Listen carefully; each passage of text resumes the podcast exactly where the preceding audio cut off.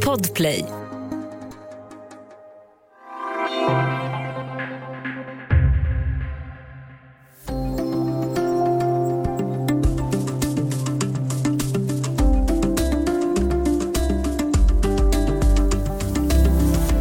Börjar de verkliga förhandlingarna om klimatet vid FNs stora konferens i Glasgow.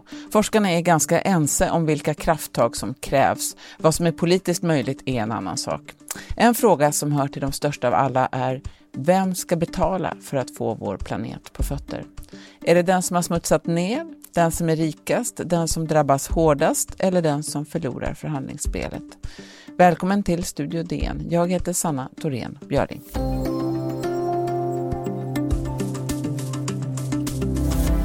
Ja, världsledare och klimatförhandlare från hela jordklotet har samlats i Glasgow för COP26. Det står för Conference of the Parties och 26, ja det betyder att det är, att det, är det 26 mötet sedan 1994 då FNs klimatkonvention undertecknades.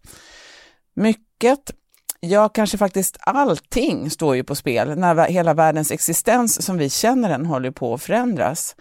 Och med oss idag har vi då direkt från Skottland DNs klimatreporter Jannike Kilberg och vi har också med oss Björn-Ola Linnér som är professor vid Linköpings universitet och som forskar på området mellan geopolitik och klimatförändringar. Välkomna båda två. Tack. Tack. Först så vill jag veta, eh, hur ser det ut i Glasgow? Jag har förstått att det är vackert väder. Ja, det är faktiskt soligt och fint. Och det var väldigt fint. En fin höstmorgon kan man säga. Och det var skönt för det var enormt långa köer in till mötet. Mm.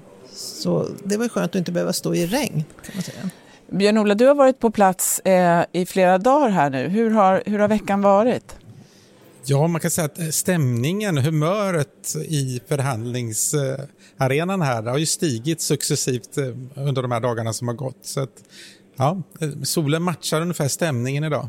Eh, Jannike, vad händer nu de, de närmaste dagarna? Ja, det som händer nu är väl att alltså, de här högdjuren har ju lämnat, de var inne i två dygn, men nu pågår ju förhandlingsarbetet, det här råa förhandlingsarbetet där man ska lösa alltså, ganska tekniska frågor och det handlar om bland annat regelboken här till Parisavtalet. Hur ska man till exempel bokföra handeln med utsläppsrätter? Det, det, är ganska krångliga tekniska frågor men som är oerhört viktiga att få på plats för att man ska kunna mäta förändringar och att det ska kunna jämföras över tid och att det ska också vara en transparens så man kan se vad olika länder gör. Och sen en allt överskuggande fråga är väl ändå då finansiering.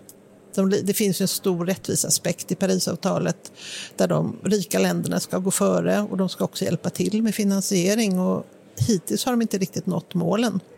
Jag kan också bara passa på att fråga, hur går det här egentligen, hur går det till? Sitter man i olika mötesrum eller snackar man i korridorerna eller vad, hur, ja, vad händer? Ja, både och. Alltså dels finns det ett stort plenarmöte eh, där, där man har kan man säga, huvudförhandlingar, men sen finns det en massa parallella pågående förhandlingar om olika frågor som ska lösas. Det kan handla om handel med utsläppsrätter eller det som kallas loss and damage, hur man ska kompensera de länder som drabbas, inte minst eh, östater till exempel. Ja, och en mängd olika frågor som sker parallellt. Sen har vi en massa sidoaktiviteter som det heter, alltså presentationer av eh, både regeringar eller miljöorganisationer eller forskare som ja, har liksom presenterar kanske olika lösningar på olika frågor som diskuteras. Och så har man en jättestor utställningsarena där det pågår massa också. Möten och Business Sweden till exempel har en sådan här eh, som har massa seminarier och ja, så det är en jättestor, jag säga, en slags Kiviks marknad för klimatförhandlare eh, och industrier och miljöorganisationer och utvecklingsorganisationer eh, och frivillig frivilligorganisationer av alla slag eh, ja, ursprungsbefolkningar. Ja, det är en det är myller. Det finns något för alla. Har, det är intressant. Du har ju varit på många klimatmöten eh, under åren. Eh, och jag vill bara höra, om de senaste åren så har ju resultaten varit ganska klena, som i Madrid till exempel. Eh, om du skulle jämföra det här eh, med tidigare möten du har varit på, skulle du, hur skulle det se ut? Ja, det är nog ett av de möten som redan första veckan har fått en positiv stämning. Det är vad jag hör från flera förhandlare, att det, det känns som att man har kommit, redan kommit längre än vad man trodde. Det var nog för att förväntningarna var ganska låga innan. Eh, Boris Johnson, Storbritanniens premiärminister, han sa ju att ja, vi ska, det var nog, han sänkte verkligen förväntningarna innan man kom hit. Vi hade också G20-mötet precis innan där de sa visserligen att de hade ett och ett halvt grader som mål men det fanns ju inget konkret där. De kastade ju en mm. mynt i önskebrunnen där vid eh, Fontana de Trevi. Men eh, det var kanske det mest konkreta i åtgärden för att nå ett och ett halvt grader från det mötet. Så därför har det varit väldigt positivt att vi nu har kommit lite mer konkreta åtgärder. Mm. Jannike, vad, vad, skulle du säga, vad betyder det att USA är tillbaka efter eh, det att Trump har eh, försvunnit, i alla fall från den eh, exekutiva makten just nu? Ja, men det tror jag, det är nog alla överens om att det, det går, ju inte, det går ju inte att överskatta. Alltså, det här, du får inte till de här förändringarna om inte USA är med. Det är liksom världens största ekonomi, det är världens näst största utsläppsland. Det skulle ju inte gå. Det är oerhört viktigt att ha det som en lokomotiv. Och det var väl det man såg i Madrid ganska mycket när det blev som besvikelse. För det var lite, ja men varför ska vi göra något? Om inte USA mm. ens, då var de ju på väg ut ur Parisavtalet. Om de inte är med, varför ska vi andra göra något? Så att, att mm. de är tillbaka på banan är väl det som kan, ja, är en förutsättning för att det ska kunna ordna sig så småningom. Och målet är ju då att begränsa temperaturhöjningen till 1,5 grader Celsius till 2050 om jag har förstått saken rätt. Vad krävs för att nå dit då om man ska eh, sammanfatta det i några meningar? Jag tror jag låter Björn-Ola svara på den. Jag kan väl säga att målet är ju att vi inte ska gå över 1 grader överhuvudtaget. Och för att kunna göra det så har man sagt att världens utsläpp måste, måste då vara netto noll 2050. Mm. Då, det, så det är det som är målet. Så det är därför man pratar om 2050. Framförallt de rika och stora utsläppen måste vara 2050. Då. Men några kan vara innan och några eventuellt efter. Då. Och vad måste vi göra då? Ja, det som är jätteviktigt nu, förutom att man får utfästelser, det är många länder nu som säger att de ska vara klimatneutrala runt 2050.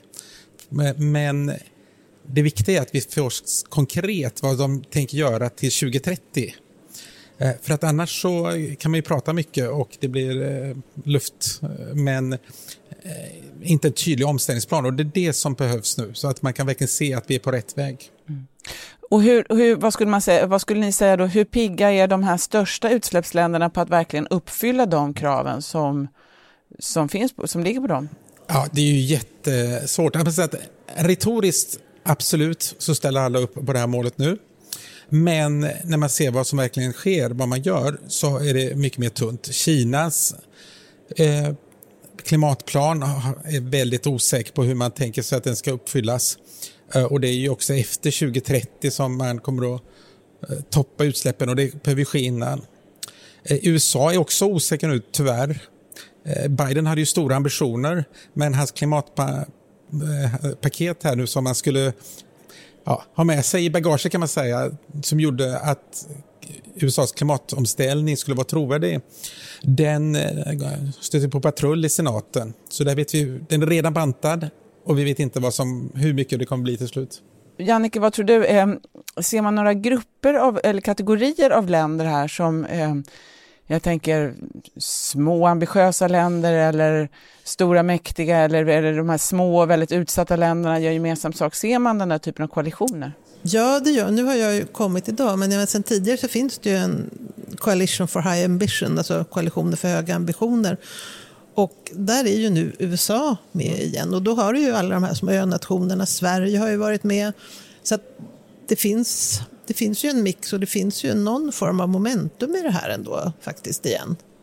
Man brukar ju säga att den var väldigt viktig för att eh, Paris skulle bli en framgång. Just den här High Ambition Coalition, alltså koalitionen mellan länder som har höga ambitioner. Och att USA är tillbaka där nu, det tror jag är väldigt viktigt för att driva det arbetet framåt. Mm. Vi ska ta en liten paus och strax prata mer om vem som ska bära kostnaderna för klimatkrisen.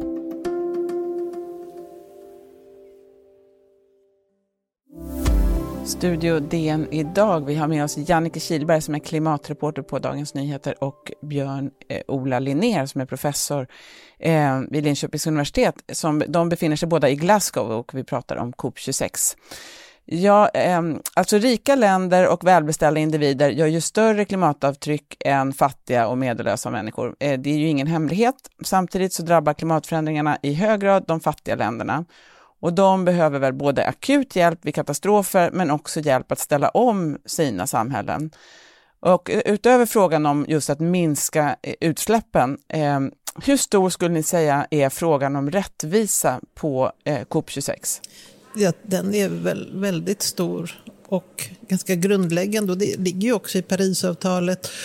Och den, men det finns där hela tiden som en underton. Jag var på en presskonferens för någon timme, ett par timmar sedan på ett internationellt nätverk för miljöorganisationer. Och då har du folk från Afrika där, du har folk från um, ja, till och med Kanada och även små öststater. Alla pratar finansiering och alla pratar rättvisa.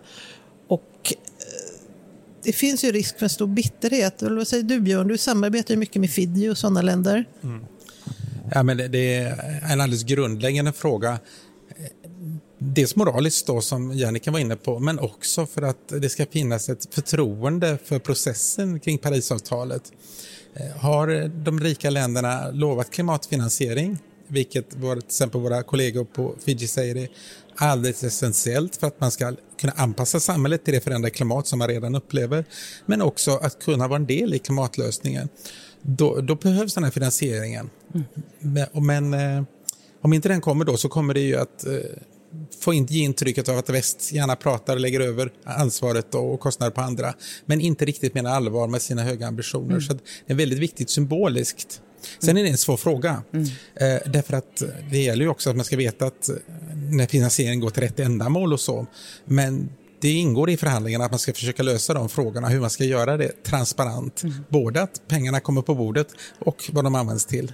Ett sätt att hantera det, delar av det här är väl handeln med utsläppsrätter då, att man på något sätt kan byta eh, utsläpp mot varandra. Eh, och det är ett sätt också att få fattiga länder att få eh, finansiering. Eh, vad är det som är kontroversiellt i det där?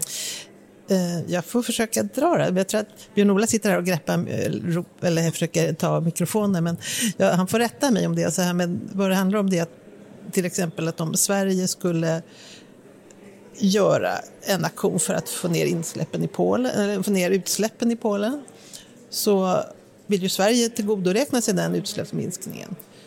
Och även om den har skett då över, utanför landets gränser. Men det finns ju i det här fallet vad man kan diskutera just vem är det som ska få tillgodoräkna sig utsläppsminskningarna och då finns det ju vissa länder som tycker att man till och med kan få att både Polen och Sverige skulle få göra det. Och det här är ju sånt som man är rädd för, för då, då blir det en väldigt falsk matematik, ska man säga. Stämde det där, Björn? Ja men, ja, men alldeles riktigt, förutom eh, kanske inte eh, Polen eh, var rätt exempel eftersom de redan är med i EUs utsläppshandelssystem. Men eh, om ta ett annat land, Ghana till exempel, då, så, så, stämmer det precis. Men problemet är ju också mm. att man vill ju att de här klimatplanerna ska vara så ambitiösa som möjligt.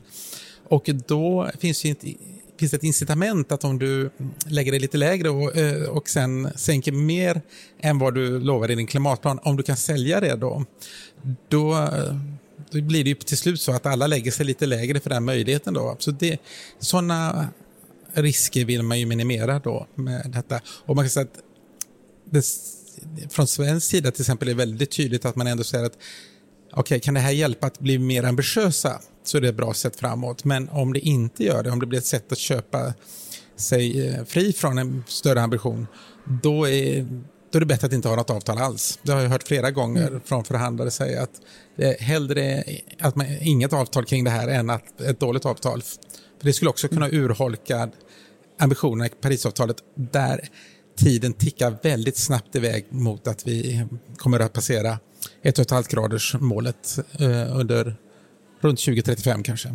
Om ni hör någonting i bakgrunden där så är det en pågående liten demonstrationsförberedelse bredvid er, är det så? Ja, de sitter, det ska, väntas ju bli väldigt stora eh, klimatdemonstrationer, eller globalt överhuvudtaget, är det annonserat. Och just nu sitter det ett gäng ungdomar här och ritar plakat och sånt en bit ifrån oss här i korridoren. stundtals ganska ljudligt. Så vi får vi se imorgon hur det blir. Just det, vi är torsdag eftermiddag när det här spelas in. Ja, apropå det vi pratade om med rättvisa så, är det ju, eh, så går det ju inte många timmar man går i korridoren utan att det står en grupp som ropar Climate Justice Now. Så det är ju inte bara eh, låg och medelinkomstländer som kräver att den rika världen som har släppt ut mer ska ta sin beskärda del, utan det är ju en väldigt viktig fråga för de frivilligorganisationer, ungdomsorganisationer och så som är här på plats, både på arenan och utanför. Jag undrar då, vad, är det som, vad kostar mest eh, för ett rikt land? Är det att minska de egna utsläppen eller att hjälpa fattiga länder till anpassning? Det var en bra fråga. Det, man, jag kan ju bara säga att jag, det beror lite på hur man räknar. Jag tror att ofta så ser man ju de här löftena, så var det väl senast nu kring en del sådana här fasa ut kollöften, då pratar man om ja, men vi fasar ut finansiering utanför det egna landets gränser. Det är ju enklare än att politiskt göra något hemma och kanske stöta på stora protester, alltså typ som gula västarna i Frankrike eller ja, man ser nu när energipriserna är höga, då, då växer ju protester hela tiden. Så att så fort, det är ju svårare för en politiker att göra något hemma, för du vill ju bli omvald. Mm. Eller vad säger du, Björn-Ola? Ja, fast jag eh, tycker att man får formulera om frågan, för vi pratar ofta i termer av att det kostar. Och naturligtvis är det en investeringskostnad som alltid när du ska bygga ett hus eller vad du än ska skaffa dig, du måste göra en investeringskostnad. Men sen kommer det en enorm nytta av att du gjort den här satsningen. Så att jag kanske skulle eh, omformulera det i de termerna istället. Och då, det är ju klart att vi har enormt mycket att vinna på för att få en robust ekonomi i Sverige, att vi gör ställer om det svenska samhället. Mm. Men vi vet också att för ett, ett och halvgradersmålet så är det enormt viktigt att vi får de här satsningarna i andra länder. Då. Mm. Eh, men det är svårare då att övervaka vad de går till och så, så att det måste vara med i, i regleringen av det hela. Men mm. där kan ju pengarna göra enormt mycket, stor, mycket nytta. Inte bara då för att få ner utsläppen men också att öka levnadsstandarden i länder, att det är bättre för så många andra av de hållbara utvecklingsmål vi har med ökad hälsa, ett bättre samhälle och mer robust. Men, men eh, om man ska plocka ut några enskilda punkter då som ni kommer att titta på eh, de närmsta dagarna, eh, antingen just själva frågorna eller om ni bevakar en enskild aktör, vad skulle ni plocka ut då som ni tycker är särskilt spännande? Får man bara välja en? Nej, man kan få välja fler. Ja. Nej, men jag tror fortfarande att finansieringen ligger lite högt. Och sen är jag fortfarande det här, den här diskussionen som ändå har blivit mer brännande. Det handlar ju om det här att faktiskt fasa ut fossila bränslen. Det här som ju egentligen inte nämns i Parisavtalet men som har blivit en hetare fråga och som måste till. Och som ju debatteras väldigt mycket här också. Det har kommit nya löften, men hur mycket är de värda? Så jag ska titta lite mer på fossila bränslen. Mm. Finansieringsfrågan, absolut. Eh, man kommer nästa vecka att börja processen hur eh, man ska skala upp klimatfinansiering efter 2025. Och, så det tror jag blir en väldigt viktig process. Men här kommer man bara liksom staka ut vägen och säga när ska man vara klara med det och hur ska det se ut. Så det, det kommer inte vara jättespännande kanske för nyhetsrubrikerna men oerhört viktigt för framtiden. Så det kommer jag framför allt att hålla ögonen på. Sen kommer det vara väldigt viktigt också att se hur se Eh, transparens, alltså, hur ska man kunna följa upp vad länder, hur, det, hur de förverkligar sina klimatplaner. Det kommer också vara enormt viktigt. Mm. Eh, om man då pratar om just finansieringsfråga, hur mycket pratar man då om moral? Alltså hur mycket pratar man eh, explicit om moral? Hur mycket pratar man mer om eh, kanske kostnad, nytta eller politiskt pris? Eller, hur, hur förs de där diskussionerna? Som jag upplever så handlar det ganska mycket om moral. Mm. Faktiskt att man, ja, men det, det finns ju, alltså, historiskt så är det ju rika länderna som står för utsläppen. Det är de som har ställt till det här till stor del. Och då har man väl också en slags moralisk plikt att dels se till att utvecklingsländer har en chans att komma ikapp. Och, mm. och att då, då är det ju liksom de stora länderna som måste ta sitt ansvar helt enkelt. Håller du med Björn-Ola? Ja, ja men absolut. Och den här principen om gemensamt men differentierat ansvar. Alltså att vi har alla gemensamt ansvar för klimatfrågan men vi har olika vi har olika förmåga att ta oss an det, att uh, göra klimatåtgärder. Det bygger ju på en moralisk princip att de som har släppt ut mest, de ska ta större ansvar. Och de som har också rikedomen eller tekniska förmågan ska också ta ett moraliskt ansvar. Så att det, själva nerven i klimatförhandlingarna är väldigt mycket en moralisk fråga. Mm. Och då avslutningsvis då får ni svara på båda två. Vad tycker ni, vad ska ha uppnåtts för att den här konferensen ska anses lyckad i efterhand? Medan Jannike tänker efter kan jag säga att den har ju, det, det kommer redan anses vara lyckad i och med att vi har fått uh, utsläpp, ut, utspel kring metanutsläppen. Även om det var vagt hur de ska bli så det ändå, uh, kan det i bästa fall ge 0,2 graders Eh, uppbromsning av eh, växthuseffekten. Eh, sen har ju Indiens utspel som vi var inne på också skapat en positiv atmosfär där man tänker att det kommer sätta press på Kina och så så det är flera frågor redan som har överträffat förväntningarna från början. Men man måste också ha löst de här frågorna kring regelboken som Jannica var inne på. Men det kommer nästa vecka. Jag säger ju inte emot Björn-Ola, men jag tror också det att det, det, finns ju ändå en ambition här som är mycket tydligare och engagemang som är mycket tydligare än tidigare. Så att man kanske inte når ända fram till 1,5 grader, men det känns ju för första gången som man faktiskt är på väg att verkligen att det händer någonting. Och då kanske man bryr sig mindre om regelboken blir helt klar, bra om den blir nästan klar, men det är så mycket momentum nu ändå. Alltså när man då säger att det kommer upplevas lyckat så är det väldigt bra, viktigt att understryka utifrån lågt ställda förväntningar. Så det är ju inte så att man har löst ett och ett halvt gradersmålet här eller säkerställt det. Så det är klart att Fridays for the Future eller stora miljörörelsen kommer ju vara djupt besvikna och kanske förbannade efter det här mötet ändå därför att vi har inte tagit några gigantiska steg närmare ett och ett halvt gradersmålet men ändå tydliga utifrån vad vi befarade innan mötet. Det är i alla fall en positiv avrundning av det här samtalet. Stort tack för att ni var med idag båda två. Björn-Ola Linnér, professor vid Linköpings universitet och Jannike Kihlberg som är klimatreporter på Dagens Nyheter. Tack båda två. Tack. tack. Om du vill kontakta oss så går det bra att mejla till studiodn Studio DN görs för Podplay av producent Palmira Kokarimenga, ljudtekniker Patrik Miesenberger och teknik Oliver Bergman, Bauer Media. Jag heter Sanna Thorén Björling.